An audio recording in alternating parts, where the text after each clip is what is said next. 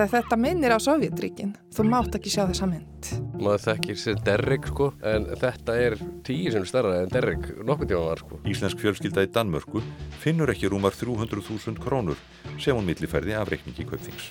Pólski yfirvöld segja fólki að fara ekki á nýja myndi í bíó, íslenski tónlistamenn í Berlín og námsmenn í frjálsu falli. Ég heiti Kristján Guðjónsson og ég heiti Lofabjörg Björnstóttir og þetta er lastinn 27. september árið 2023.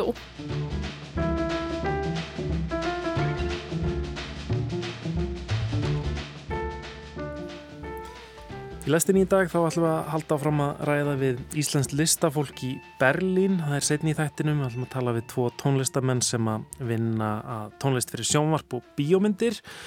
Svo alveg heyrum íslenska námsmenn Erlendis haustið 2008 innmitt þegar Íslenskt fjármálakerfi riðaði til fals en áður en við heyrum það ætlum við að byrja í Pólandi.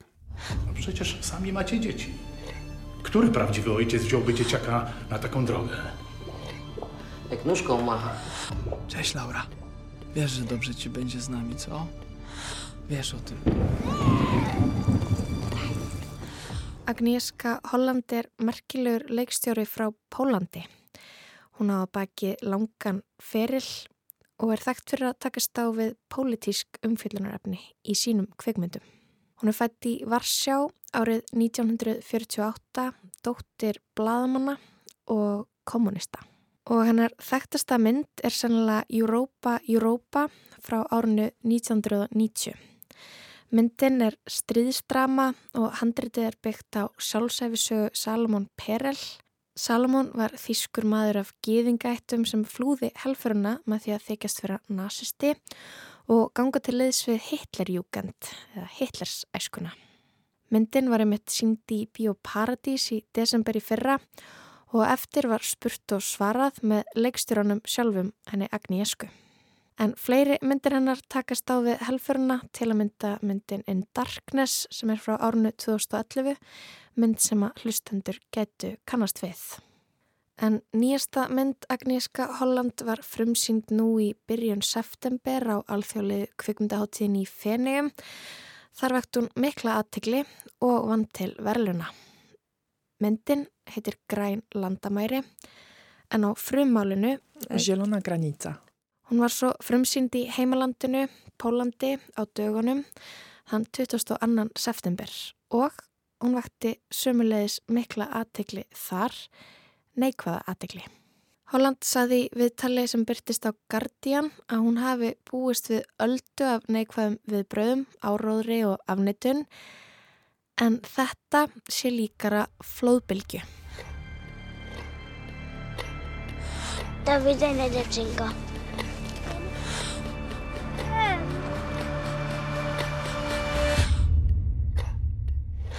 Þetta er ekki ósáttir kvikmyndagagrínendur og bloggarar, fólk sem hatar myndina af listrænum eða fagurfræðilegum ástæðum. Heldur eru þetta meðlumir ríkistjórnarinnar og forseti Pólans sem tjá sig og hafa beinleilins hvart fólk til þess að fara ekki að sjá myndina í bíó.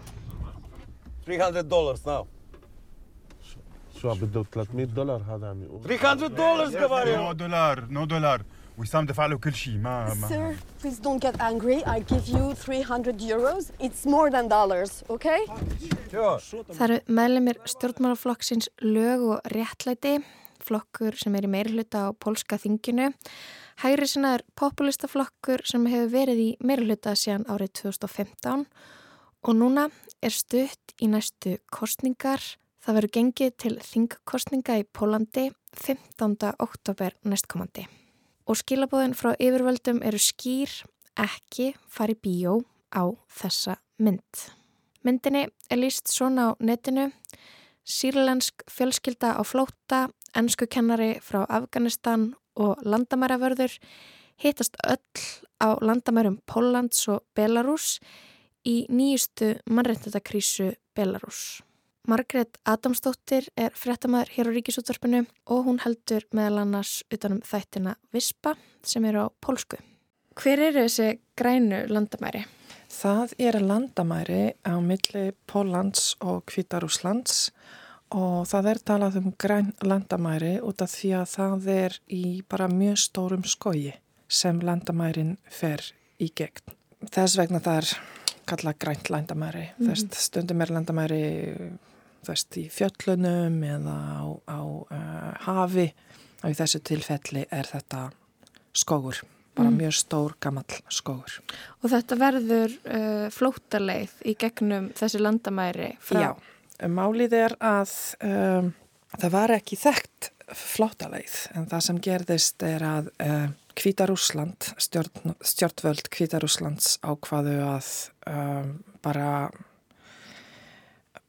hefja rásir til að flytja flótamenn frá miðausturlöndum eins og Írak, Afganistan yfir í SB og uh, það uh, var bara viljandi aðferð að halvu uh, Kvítarúslands og Lukashenko. og hann viðurkendi jafnvel að um, hann veitti stöðningi við ólöglegan flutning á flottamennum. Þannig að það var, fólk var sótt einhver staðar á miðaustumlöndum, ég held að það hafi greitt fyrir, fyrir þessa flutningu. Og það var flóið til Kvítar Úslands eða komið uh, á uh, einhverjum rútum og svo pakkað í rútur og hent við í, í skóinum þar sem landamærið er þar sem stjórnvöldum fannst að fólk fer bara um, auðvelt yfir landamærið. Og þannig að uh, þessu fólki var lofað að þetta er bara miklu betra en, en hafið, þú veist að þú druknar ekki allavega, þú getur farið yfir landamæri lappandi. Og þetta fólk bara fór að streyma inn.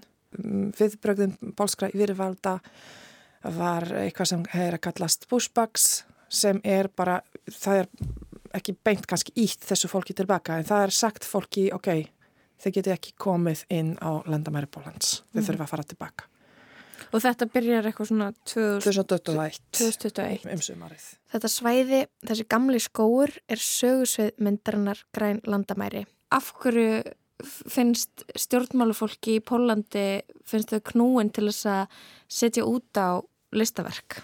eins og þetta? Ég get ekki svarað. Ég, ég held að þetta er ekki, ekki eins og það á að vera af því ég held að listir eiga að, að geta tjá sig. Þú veist, fólk getur, fólk þurfti að geta sínt hluti uh, frjáslega í listum. Þannig að mér finnst að pólsk eftir yfirvöld eiga eftir að, að, að sjá eftir þessu og því að þessi mynd er ekki, ekki eins slæm og, og stjórnvöldin meika hann að líta út. Mm. Þetta er mynd sem er einhvers konar allegorja um bara ástand flottamanna í heimi. Ég er ekki búin að sjá myndina en ég, ég er búin að horfa á nokkur umfjallanir um hanna og um, það er sagt að hún er bara að sína þessa stöðu, uh, stöðu flottafólks uh, í bara um, í, á þessum stað, á þessum tíma og stöðu líka aðra sem eru einhvern veginn uh, tengt ástandinu eins og fólk sem vinnur við uh, landamæra þjónustu í Bólandi, hermenn, uh, það er bara aktivistar, aðgerði sinnar, bólskir aðgerði sinnar sem, sem búa á svæðinu, sem byrja að bregðast við og byrja að hjálpa þessu fólki. Svo er fólk sem er að sjá kannski þessa ástand en vill ekki bregðast við, mm. segir, það kemur mér ekkert við. Þannig að ég held að leikstjórin sínir bara fólk, alls konar fólk, hvernig það bregst við þessu og hún komendar ekki, hún sínir þetta bara. Ég, ég held að hlustendur vita uh, aðeins kannski eða ef ekki þá er það er um, stjórn í Pólandi er um, mjög hæri sinnaður og hérna það er um, að ganga leiðir sem uh, kannski restin af Evrópu samþekir ekki mm. nýverið. Og það er eina af þessum, mm, þessum aðferðum sem, sem sínir að stjórnvaldin Pólans er, eru að reyna svolítið of mikið að stjórna. Já, já þessi, þessi flokkur sem er mest á móti myndinni er sá sem er í ríkistjórn núna Já, lög og, lög og réttlæti. Lög og réttlæti.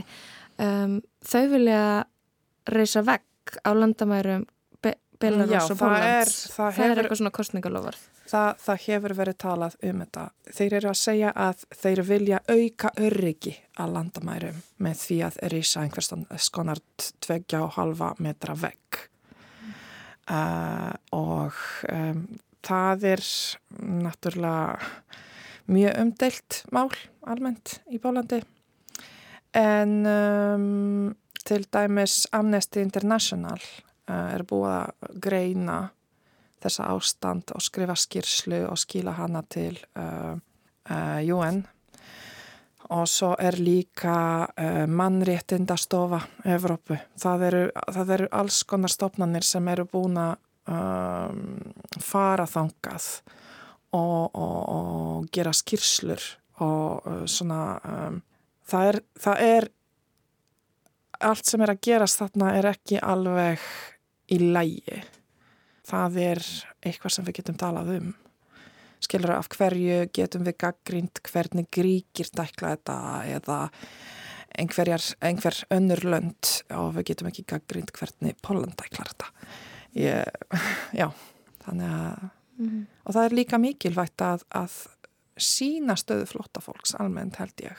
Að við erum eh, bara við uh, íbúar vesturlanda uh, við kannski sjáum ekki alveg uh, hvað er þetta fólk að kljást við og ég held að myndin er að sína það þú Mhm. veist myndin er að sína alls konar andlit og alls konar personuleikar og hvernig fólk bregst við en það sem ég er búin að heyra til dæmis er að emitt stjörnvöldin núna er, eru að koma kostingar í Bólandi 15. oktober og til dæmis uh, það er verið að innleiða þessa mynd í, í kostningabaráttu og segja ok, þetta er ein af aðferðum uh, til þess að uh, sína okkur stjórnvöldum í neikvæðu ljósi.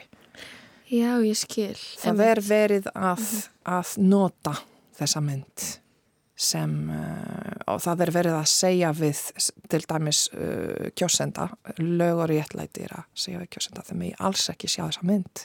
Hvers konar pólitískur leiðtói er það sem segir þú mátt eða mátt, þú mátt ekki sjá þessa mynd. Þú mátt gera þetta, þú mátt ekki gera heitt. Ég bara, mér finnst það ótrúlegt. Þannig að það, það sem ég heyri er það er verið að, að hvetja fólk að sjá þessa mynd. Það eru margir, margir uh, uh, svona fjölmiðlar sem eru að hvetja fólk að fara samt og ekki hlusta á stjórnveldinu og fara og sjá, farðu og sjáðu fyrir sjálfan þig hvað þér finnst um þessa mynd. Út af því að þess, þetta minnir á Sovjetríkin. Þú mátt ekki sjá þessa mynd. Mm. Er þetta algeng uppákoma að stjórnvöld í Pólandi skipta sér af listsköpun? Það var ekki algengt þanga til að þessi stjórn kom til valda. Þessi stjórn er búin að til dæmis taka yfir fjölmiðla, ríkisregna fjölmiðla og það er svo bara sjáanlegt að þetta eru ekki fjölmiðlar sem eru að sína viðhorf eða skoðanir allra bólverja. Það er að sína, þú veist, að, að, mm -hmm. að stjórnvöldin eru að vilja hafa svo, svo mikla áhrif á skoðanir fólks og þetta að þau gera þetta með listum er bara uh, frekar ógnvegjandi mm. og það hefði gerst í Pálandi áður, náttúrulega þegar áður en um, áður 80, fyrir 89 þegar við vorum undir áhrifum Sovjetríkjana, þá var þetta algjörlega rýtskoðað. Mm. En síðan þá hafa tímarnir náttúrulega breyst. Og núna, þú veist, fólk er að spyrja sig hvað þýðir þetta? Að, að við erum aftur komin á sama stað þar sem stjórnveldin segja við okkur ekki horfa um hverja mynd, mm. sem er náttúrulega listir. Þú veist. Um, Helduru að það hefði eitthvað að gera með þetta bakslag sem þessi kveikmynd hefur fengið hver þessi leikstjóri er hefur persóna hennar eitthvað að gera með það að það er stokki á hana eða, veist, Ég held er... ekki, ég held að hún er, hún er líka, þú veist, hún er þekkt fyrir það að bara ekki, ekki láta uh, neinum að segja við hana hvað hún getur fjallað og getur ekki fjallað um í sínum myndum. Hún hefur uh, gert myndir sem, sem voru umdeildar. Þú veist, þessar myndir, þegar þú horfir á þær, það gætu verið heimildamindir. Út af því að hún er að sína og ekki að, að, að kannski, uh, hún lætur þér draga álíktanir. Þannig að uh, stjórnvælun eru vönd því að hún er erfið. Já, þetta er ekki en fyrsta. Núna, nei, þetta er ekki fyrsta myndin hennar sem, sem uh, þú veist, verð viða umdeilt. En í þessu skipt, í þessu tilfelli er hún svolítið búin að uh, fara kannski á vlant fyrir suma. Og ég held ef það væri einhver annar uh, leikstjóri sem, sem stæði fyrir aftan þessa mynd, það væri bara alveg eins. Það var til dæmis mjög umdeilt mynd fyrir nokkrum árum sem hétt Claire. Uh, það var um, mynd sem síndi katholska presta til dæmis og bara katholska kirkju og hún var mm, mér fannst hún var ekki neikvæð. Hún síndi bara þú veist að sumir prestar eru til dæmis með konur þó að þeir á ekki að gera þetta. En þeir eru bara mennsk og ef hann bara ef hann eh, verður ástfangin það er bara að saga hans og við megum tala um þetta en þá voru stjórnvöldin að segja að þú veist, það var ekki Agnieszka Holland, það var annar leikstjóri, að leikstjóri er að, er að eh, varpa neikvæðu ljósi að katholska kirkju. Það er ekki það, skilra. Hann er bara að sína hvernig, hvernig lífið getur verið. Mm -hmm. og, og ég held að í þessu tilfelli er, er hún að gera það sama og hún er að staðsetja þessa mynd í, í, á, á svona uh, svæði sem bara umdeildar hlutir eru að gerast. Þannig ég held ekki að, að annar leikstjóri væri um, að önnur mynd sem væri gerð af öðrum leikstjóra væri auðveldari fyrir, fyrir stjórnvöldin að kingja. Ég skil. Mm -hmm. Og því að þetta mál er bara uh, umdeilt. Er þetta mesta pólitíska hittamáli í Pólandi akkurat núna? Einn af þeim, út af því að núna er allt, allt mögulegt að koma upp þú veist hver það er, það er Rétt fyrir kostningar Já, það er líka máli um eh, að pólstjórnvöld pólsk, pólskir diplomatar í Afriku hafa verið að selja hérna fí, físa uh, þú veist landvistaleifi mm -hmm. það kom upp á yfirborðið núna til dæmis. Þannig að það er nokkur svona mál. Mm -hmm. uh, en um, já, en það sem er sorglegt er að, uh, að fólk sem stýður lög og réttlæti, það ætlar að hlusta á það og ekki fara í, í bíó og sjá þessa mynd. Og það er, það er sem sagt, þau, þau treysta þeim.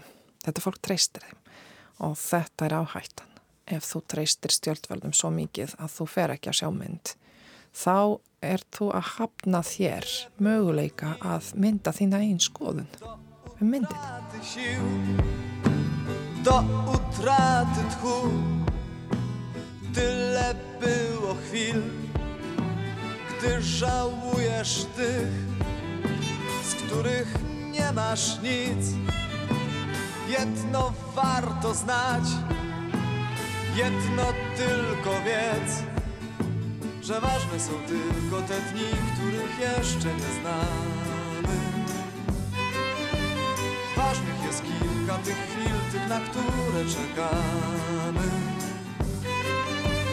Ważne są tylko te dni, których jeszcze nie znamy. Ważnych jest kilka tych chwil, tych, na które czekamy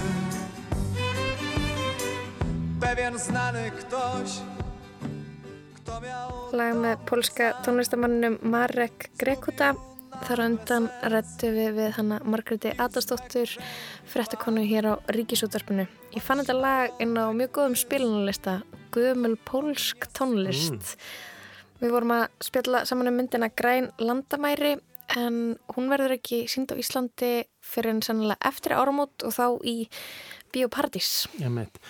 Um, í Bíóparadís núna eru ymmit pólskir kvikmyndadagar, já þessi mynd er ekki sínd þar.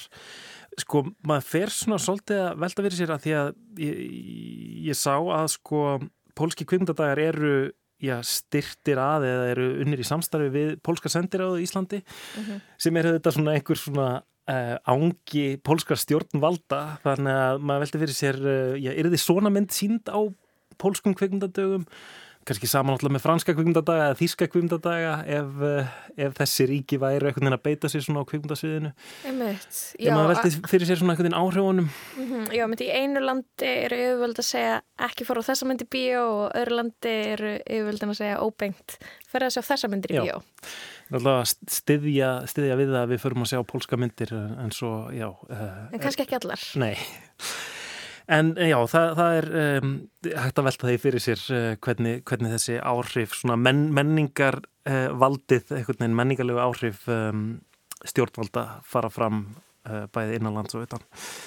En við ætlum snú okkur allt öðru, við ætlum að um, fara 15 ára aftur í tíman, 2008 var glitnir þjóðnýttur, þá voru sett neðalög Guð átt að blessa Ísland og enginn vissi hvað kæmi næst fyrir nákvæmlega 15 árum síðan. Óvissan var í hámarki mánaðamótin september-oktober.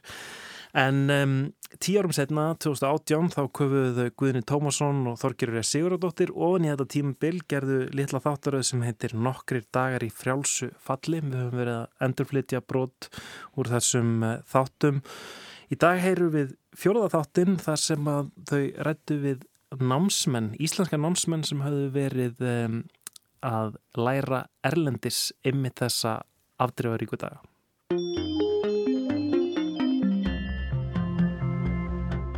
Námsmenn erlendis sem eru í viðskiptum við kaupþing geta enn ekki millifært peninga að heimann.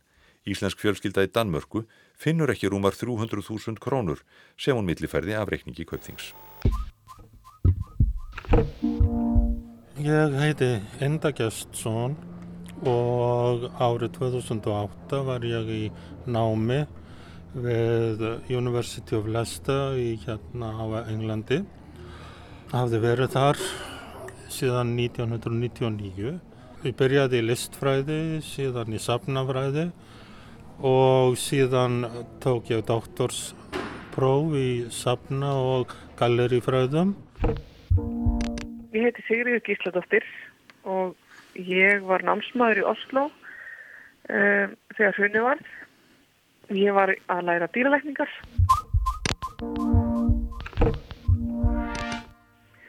Já, þetta er náttúrulega svolítið eins og rifið svona eitthvað gamlan glæp, vettfann glæps. Maður náttúrulega horfið á þetta svolítið utanfrá. Í aðdraðanda ég hafði samband við sko vini mína sem voru inn í peningamálum á Íslandi og, og hérna um sumarið og var svona að reyna að fiska eftir því hvað, hvað væri mikið að marka spámen bankana. Og það sagðu allir að það, þetta væri allt í goða leið, þetta ekki hafa neinar áhyggjur og, og jáfnveil fólk sem ég treysti sagði að það var alveg óþarfi að taka að drífa sér að, að koma penningunum yfir í pund að meðan gengið var hagstætt því að, því að þetta, þú veist, er það allt í lagi? En svo bara, þú veist. Evran er nú í hádeginu komin í 156 krónur danska krónan kostar 21 krónu Gilvi Magnússon dósent segir að Seðlabankin geti lítið sem ekkert gert við þessar aðstæður. Það sem maður náttúrulega tók helst eftir var bara að, að námslánin bara urðuða mjög litlu og, og einhvern veginn rýrnuðu svolítið. Og mér minnir að ég hafi sko reynd að taka eitthvað, eitthvað út úr hraðbanka þú veist, ná var einhvern veginn kvartu til þess að gera það og, og hérna þú veist, þegar þetta var svona yfirvóðandi og gengi var kannski ekki alveg, þú veist, það var ekki búið að stoppa alla, öllu viðskipti einhvern veginn og, og svo var maður bara svolítið svona bíu sjálf sko. Og, og vona að það hérna er þetta nú eitthvað tíma hægt að millifæra og eitthvað svona sko. Eh, ég held að hafa kannski bara verið svona já, fólk var svona sín á milli eitthvað að tala um það sko. Að reyna að það gæti mögulega verið sko ekki lengur hægt að taka út eftir eitthvað tíma. Svo hrundi allt heila klappið á Íslandi námið bara frestaðist, ég gæti ekki skilað vegna þess að allt í einu var orðið svo dýrt að færa peninga sem ég átt á Íslandi yfir. Þannig að það bara dögði ekki. Ég fekk lán hjá mömmu minni og sýstur, eldri sýstur og bara örða þessar krónur svo lítils verði þegar þar komu til yfirferðar til Englands að, að hérna það var eiginlega bara dögð ekki fyrir sko húsalegu og mat og ég var þarna ein með bad unglingsstúlku sem að hérna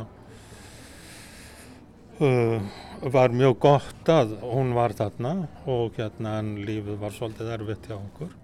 Nú ekki orðin peningalus en, en uh, það er, uh, við fluttum peninga núna á milli hvað sjöunda og uh, þeir eru ekki komnir yfir á danska rekningin okkar og þeir eru hornir út á íslenska rekningum þannig að það hefur ekkert spurst til þeirra.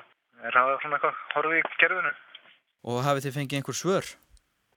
Nei, reyndar ekki. Þetta var nú bara að komast upp í, í gæri að fyrir þetta. Þeir hafðu horfið með þessum hætti, þannig að það er eitthvað að vera að vinna í þessu skilsmér. Ég held svona að flest allir námsmenn allan í kringum okkur hafa það afallana fram yfir næstu mánamót, en þar á eftir þá er þetta náttúrulega að segja til sín því að fólk þarf að geta flutt námslánin út og það verður allan ekki verið ofinleið akkurat aukunarblikinu. Við verðum bara að trista því sem að ráðamenn bjóðurinn að segja að þeir ætla að kipa því í liðin. Ég man ég hafði smá ágjörði, sko, hvernig þetta, hvernig þetta borgar leiguna og eitthvað svona, því að það náttúrulega hérna, um, þú veist það var alltaf að milli færa þarna að milli og, og það var svakalegar, svakalegar aðgerðir sko, þú veist eitthvað sækja sérstaklega um það alls saman og en við fengum samt sko mikið skilning alls þar, það það var bara rosalegur svona rosa samkend einhvern veginn. Og svona, já, allir norðmenn vorskend okkur mjög mikið og einhvern veginn fannst þetta að vera miklu meira mál heldur en kannski við sjálf gerum okkur grein fyrir. Brettar voru mjög góðir við mig sko, það, bytnaði ekkert á mér að, að allt var í kalda kólu upp á Íslandi. Og háskólinn stötti mig, ég fekk styrki frá háskólanum sem hjálpuðu upp á sakirnar. Ég reyndi að selja málverk sem ég átti á Íslandi en fann engan kaupanda. Ég var bara rosa bjart sín, já, auðvitað að selja málverki en það gæti enginn keipt, ekki af þeim sem að ég var í sambandi við og það bara, þú veist, var vonlöst. Við náttúrulega bara þurftum að bjarga okkur, sko, ég var í námi, maður minn var að vinna og en hann hluttu ég ekki ein laun, sko, til að hafa ofana fyrir sér í, í Nóri, en ég fekk mér vinnu þarna bara með náminu, sko, og við fórum held ég, við minnum um ekki fara heim í jólinn og ég fór að vinna og, og var svo bara þannig fenguð svona auka tekjur, sko.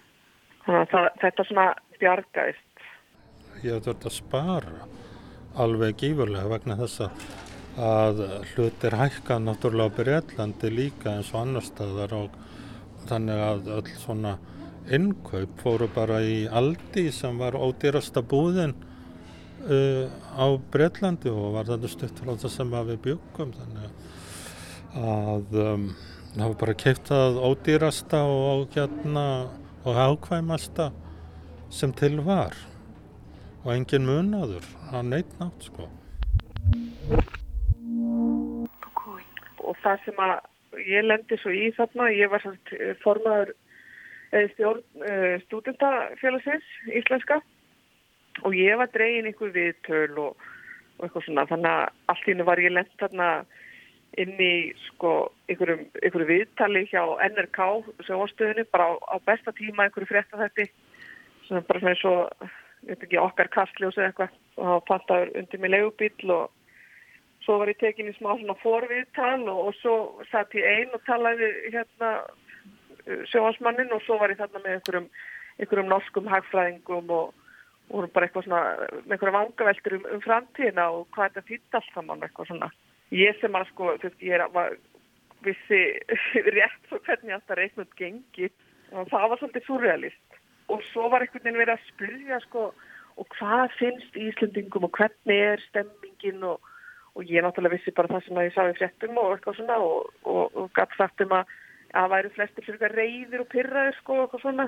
Ég man eftir því sko í að sennilega sko ári áður en allt rundi þá hitti ég sko kennara minn á götu sem var sko sagði bara við mig, heyrðu, farðu til Íslands, það er alltaf að gera þú farðu öruglega vinnu sem listfræðingur þar bara, fullt af peningum og æsef og, og hann var með sér sko að kaupa ykkur æsef díla sko til þess að tryggja sig í, á, á eftirlauna aldrinum og, og hann bara, þú veist, það tapaðist fyrir þannig hann þurfti að fara að selja sko heilsuvörur bara svona í pyramítasölu og var ekkert að græða mikið á því sko.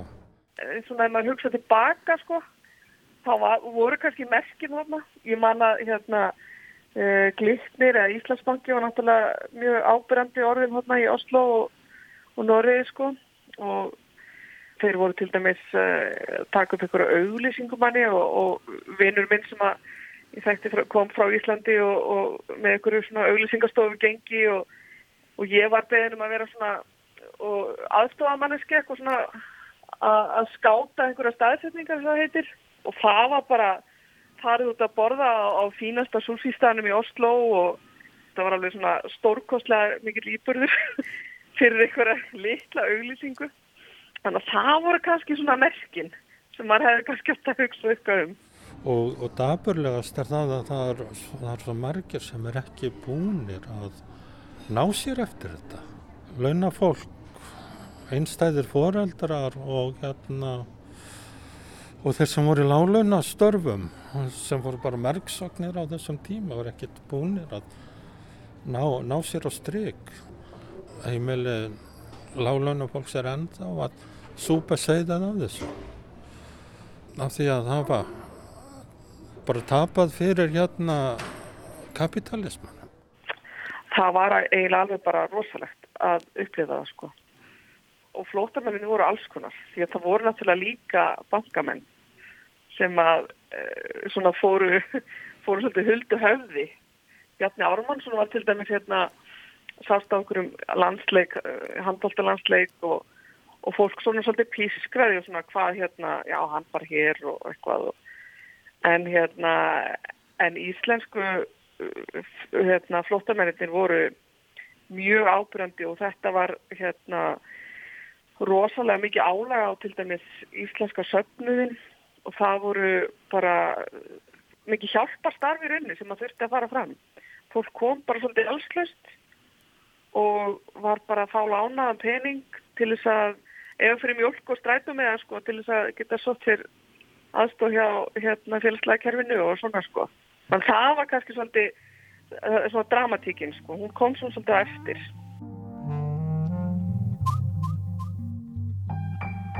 Þetta var fjörði þáttur um, af þáttaröðinni nokkri dagar í frjálsu falli sem var gerð árið 2018 af Guðna Tómasinni og Þorgerið E. Siguradóttir. Þannig var rætt við um, íslenska námsmenn sem að voru erlendis í námi árið 2008 þegar hrunið reið yfir. Þetta voru Inda Gestsson og Sigriður Gísladóttir. Við ætlum að fara næst um, til Þýskalands. Steindur Grytar Jónsson, útsendari lestarinnar í Berlín, settist út í kvöldblíðina og svölunum hjá tónlistamannunum Haraldi Þrastarsinni og Gunnari Erni Tínes sem er oft kentur við múm. Þeir hafa unnur saman að tónlistarvinnslu og hljóðhönnun fyrir kvikmyndir og sjómarp.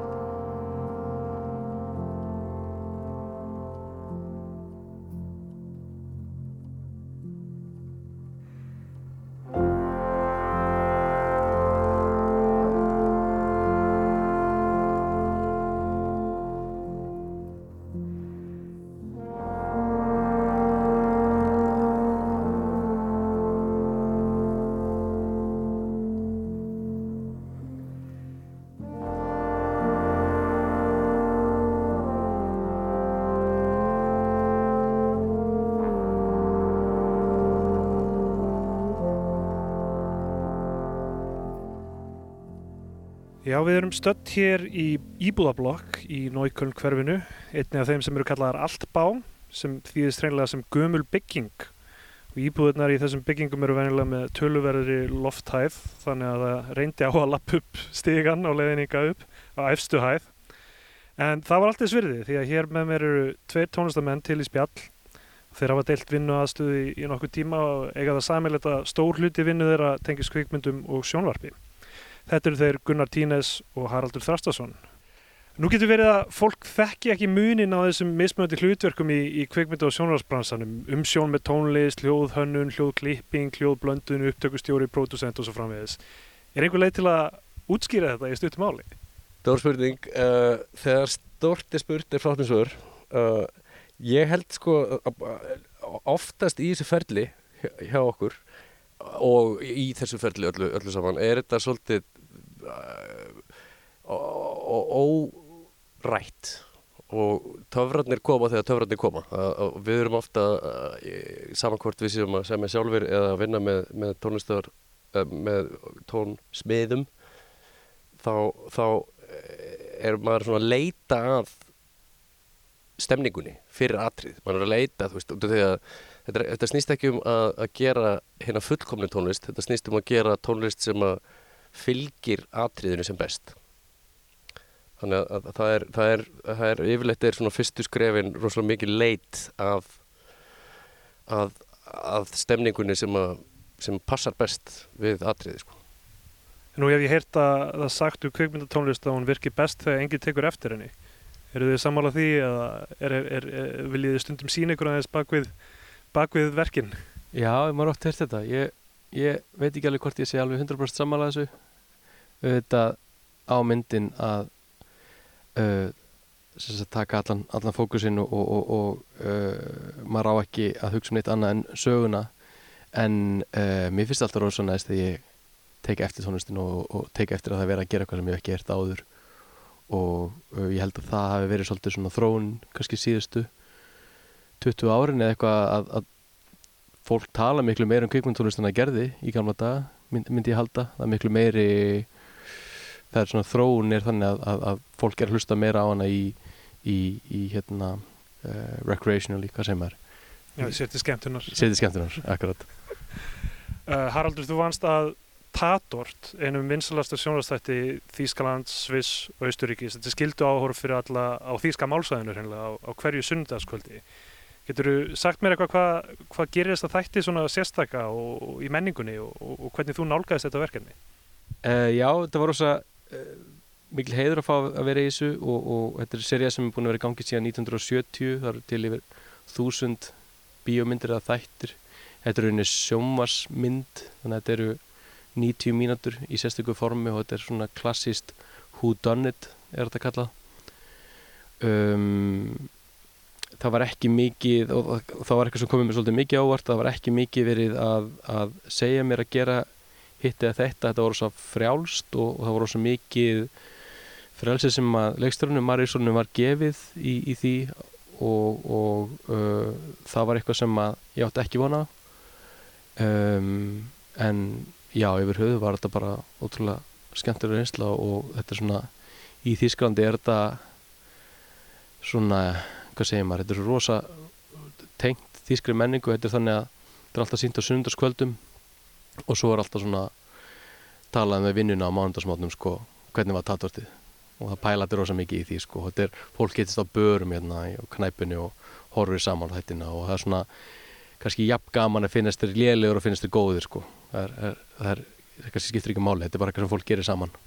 Einmitt, þetta er svona lögguþættir frá mismandi borgum Þýskalands, Austuríkis og Sviss, ekki satt? Jú, þetta er held ég einhverju nýju serjur, ég er ekki alveg viss. Og það er, það er í Kíl sem ég var að vinna með honum Borovski og svo er hérna í, í Berlín serja og svo er í Hamburg og Frankfurt og alls það er alltaf sama formi, alltaf sama kynning á, á þetta er svona svo CSI hérna Criminal Intent, það sem þú sérði eitthvað smá af glæpnum í byrjun og svo kemur hérna titles og, og, og svo byrjar það á hérna á, á, á rannsókninni Þetta er rosalega þýst dæmi ég, ég hef aldrei heyrt um þetta fyrir að Halli fór að vinna í þessu sko. ég, ma maður þekkir sem Derrick sko, ja. En þetta er tíu sem stærra en Derrick nokkur tíma var sko. Já, þetta er svona kannski eins og, eins og Rex er eitthvað svona sem var komandi Rex hérna með hundin það var eitthvað sem var svona sem við þekkjum öll sko. Tatartið meika ekki það langt, kom allan ekki til Íslands. Uh, en já, þetta er talsveit stort hérna.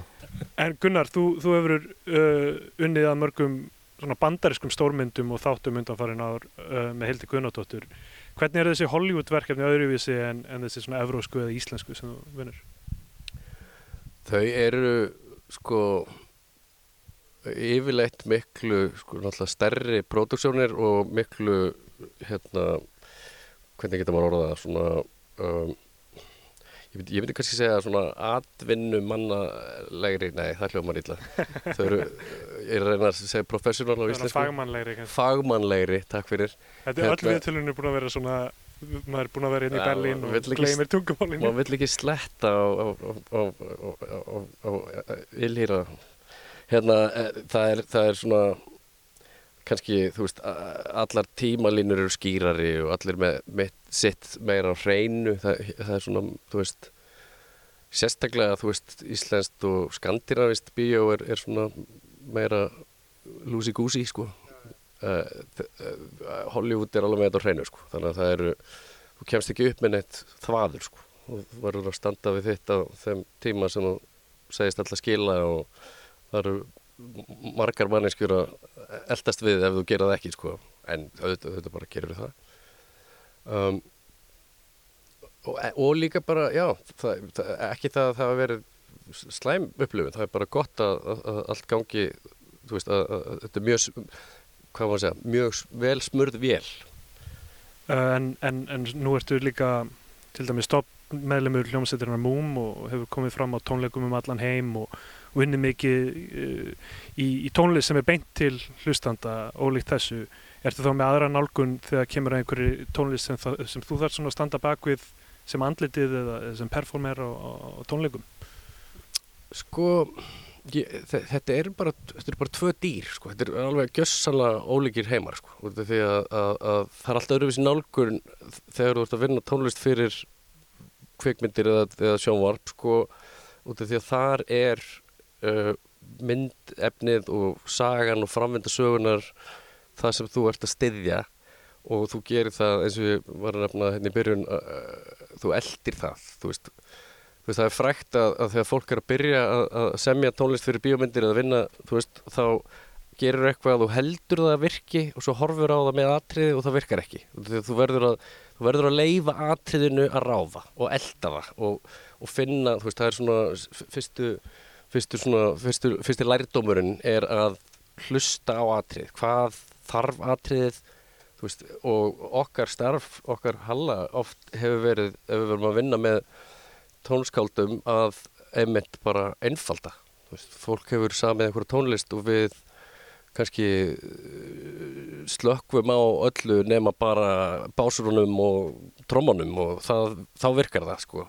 En það er kannski búið að taka upp heila orkestru sko, veist, þannig að það er, þú veist, við, við okkar styrkur held ég liggjur úr svo mikið í því að þú veist, þess að við hefum gert upp á síðkastið að finna farveg tónlistarinnar fyrir atrið sem að tónskáld oft, ekki alltaf kannski e, eiga erfiðara með út af því að þau hafa verið að semja allt og, og kannski eru með hugmyndir um hvernig þetta ætti að vera og eiga kannski erfitt með að sleppa þeim hugmyndum og þá komum við inn og, og brjótum aðeins upp heiminera og breytum eða einföldum eða jafnvel bætum við, við bætum oft hlutum við sem okkur finnst vanta til þess að atriði sé eins gott og það getur verið sko.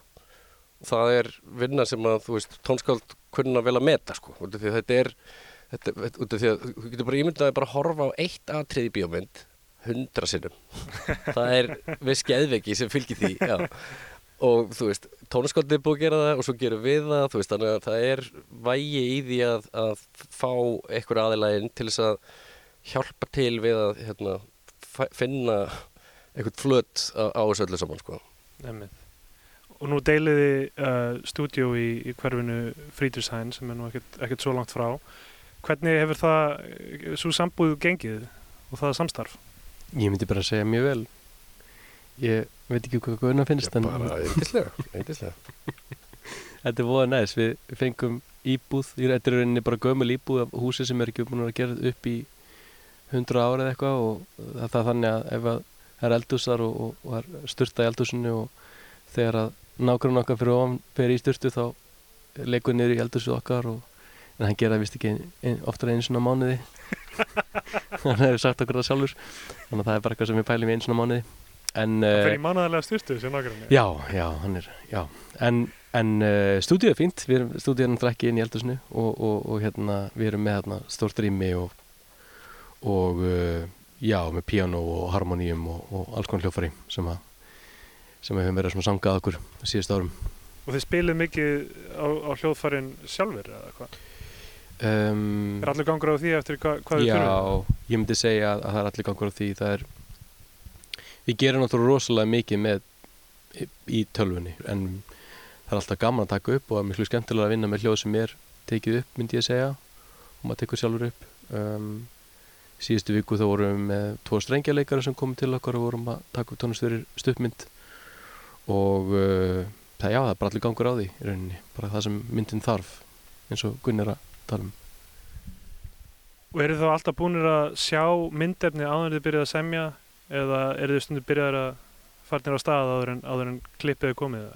Það er oft gott að hafa átt svolítið gott spjall við leikstjóran áður og það sem við höfum svona verið að reyna að venna okkur á og það sem er í rauninni best myndi ég segja er að hafa samið svolítið og sendt áfram uh, áður um að sér myndefni og ég minn það geti verið að það virki ekki en það er rosa gott að vera með einhvers konar eitthvað base fyrir það sem að geti komið og, og líka bara til að sína það sem að maður hefur sjálfur áhuga og maður, að það sé ekki þannig að, að, að maður fær myndefni og svo maður að láta það hljóma eins og hann sem er. Það, það er mjög algengt í, í bíó og hefur verið í, í mörg ár sem að er hugmyndafræði sem er vonandi að breytast að að, að myndefnið er tekið upp og svo fer, fara leikstjóri og, og klipparar að vinna með það og þá vinna þau með einhverja tónlist, þau bara taka einhverja tónlist og þá fer fólk að venjast terri tónlist við klippunar og þá vilja þau að maður geri eins. Og til dæmis eins og í jókernum með hildi þá heimtuðu við að það yrði ekki gert út af því að það er það er óþólandi það er, er óþólandi að þurfa að herma eftir. Þú veist þá verður þetta ljósitt af ljósitt af ljósitti sko sem er aldrei gott sko þannig að við höfum reynd að, að, að stíma skipinu í þá átt að að, að sagt, í þeim verkefnum sem maður getur gert að, að fólk noti ekki aðra tónlist heldur frekar. Ég meina þú gerir þetta í tatort já, já, já. til dæmis þar. Það var, já, það var rosa gott að, að þá var rauninni þú sem varst rosa ítinn á þetta. Ég myndi bara senda mína eigin tónlist. Ég hafði ekkert um hann sagt að ég gæti líka sendt tónlist sem að mér finnst vera flott og, og gæti kannski virkað í myndinni og þá sagði þú nei, ekki gera það og, og ég tók þetta tilbaka og sendi bara tónlist sem að ég hef samið og það var, já, það var allt notað og svo var ég bara 80% af skorunum var komið bara við fyrstu í, í fyrstu klippingu sko. uh, Af hverju Berlín? Af hverju uh, hafið komið ykkur fyrir hér til, a, til að vinna í þessu? Ég kom bara hérna út af því að út af því að það stóð alltaf svo lengi til að ég myndi koma og vinna með Hildi og, og Jóhanni og, og, og það var bara rölinn sko. Hildi, þegar Hildi fekk hérna sitt fyrsta stóra verkefni sem var Sicario 2, ef hann heitir eitthvað annað en það, en, en setni Sicario myndin, þá ringdu bara í mig og, saði bara, herði allar að koma eða ekki og það var á mánundegi og ég var fluttur út á fymdegi, sko, þannig að ég bara sló til og, og deldi þar stúdíu með henni og Jóhanni og fór bara inn í þá súpu, sko, og vann með þeim báðum þar alveg þáka til að það stúdíu, því stúdíu var lokað. Um, þannig að já, það var raun og verið bara út af því sko ég er náttúrulega hef búið, ég sést ekki náttúrulega en ég hef búið Berlín áður og elska borgina og finnst gott að vera hérna og það er líka ef maður er sjálfstætt starfandi listamæður fólk gerir sér ekki greið fyrir því þá koma tímar inn á milli þess að maður á ekki pening fyrir strætó eða núðlusupum og þarf að lifa á, þú veist á, á, þú veist, engu og þá er Berlín rosalega auðveldur og góður staðar til þess að gera það þú veist, miklu betri heldur en Ísland sko. þú getur svona, þú getur dögar lengur á, á, á fimmúðskallirum hérna heldur en heima sko. fyrir þetta það, nákvæmlega það, er, það var 30 stegi hitt í dag það heldur sé átta á Íslandi sko. Það var reynda sjö í dag Já, okay. Það er, mér, heyrið það mig, fólk er að fylgjast með hittanum á Íslandi til að vera að, það er aðeins skára hér. Þó það sé það kannski ekki á vetuna á vetuna er það oft, oft verra hér Já Já, það verður svo kallt í íbúðunum. Það er kannski, það er kannski munurinn að, að hérna Ekki þegar maður er hitt í gólfinu. Ekki þegar maður er hitt í gólfinu eins og þú, nei það er satt. En, en, en þegar hérna fyrir okkur hinn. Já. Já, þá segjum við það gott hérna úr, úr kvöldblíðunni í Náiköln á, á svölunum að Skunnars og, og, og bara takk kærlega fyrir að koma í lestina. Bara okkar er heiðurinn. Takk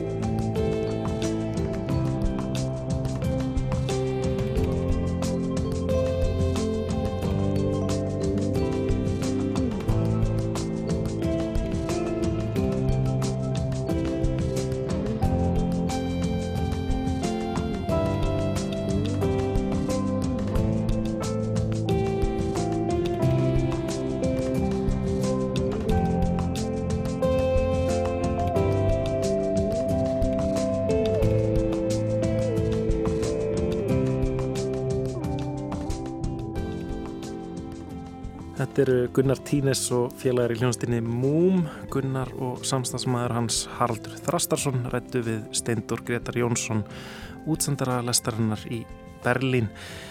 Haraldur saði meðal hans frá því að hann hefði nýlega unnið við um, þýska glæpaþættir sem heita Tatort. Þeir eru svona eiginlega hálkir stopnun í þýskri sjónsmenningu. Um, hann talaði um að fólk horfið á þetta saman á sundarskvöldum og, og rökræði síðan í kaffetímanum og ég held að sé alveg rétt hjá svona af mín kynni af þýsku samfélagi. Þeir félagar eru að vinna að ímiskunar tónlist fyrir kvikmyndir. Um, það nýjasta sem þeir eru búin að klára er víst uh, tónlist fyrir nýja heimildamind sem er gerð af sama leikstjóra og gerði My Octopus Teacher hérna Netflix heimildamind sem að fekk Óskarinn. Eða freka, freka mögnuð svona dýralífs vinasaga uh, vinasamband manns og, og, og hérna kolkrabba. En þessi, þessi mynd er líka einhvern veginn í dýralífunu suður, í Suður Afríku það er uh, fuggla teljari eða fuggla skoðari sem einangrast á einhverju e, lítilli eigu tekur allt upp á, á myndavel og, og hérna, einhvern veginn missir vitið með fugglunum Ég ætla bara að segja, vá hvað hljóma við sem þú segir, missi viti Ok, ég skil það. Það er svona Hitchcockísk einhvern veginn um, fugglamynd Einmitt. Um, það er komið að leiðalokum hérna í lastinni þannan þriðdægin Lítja Gretastóttir var tæknumæður í dag. Ég heiti Lóa Björg Björnstóttir og ég heiti Kristján Guðjónsson og við verum hérna aftur á sama tíma á morgun. Heyrumst þá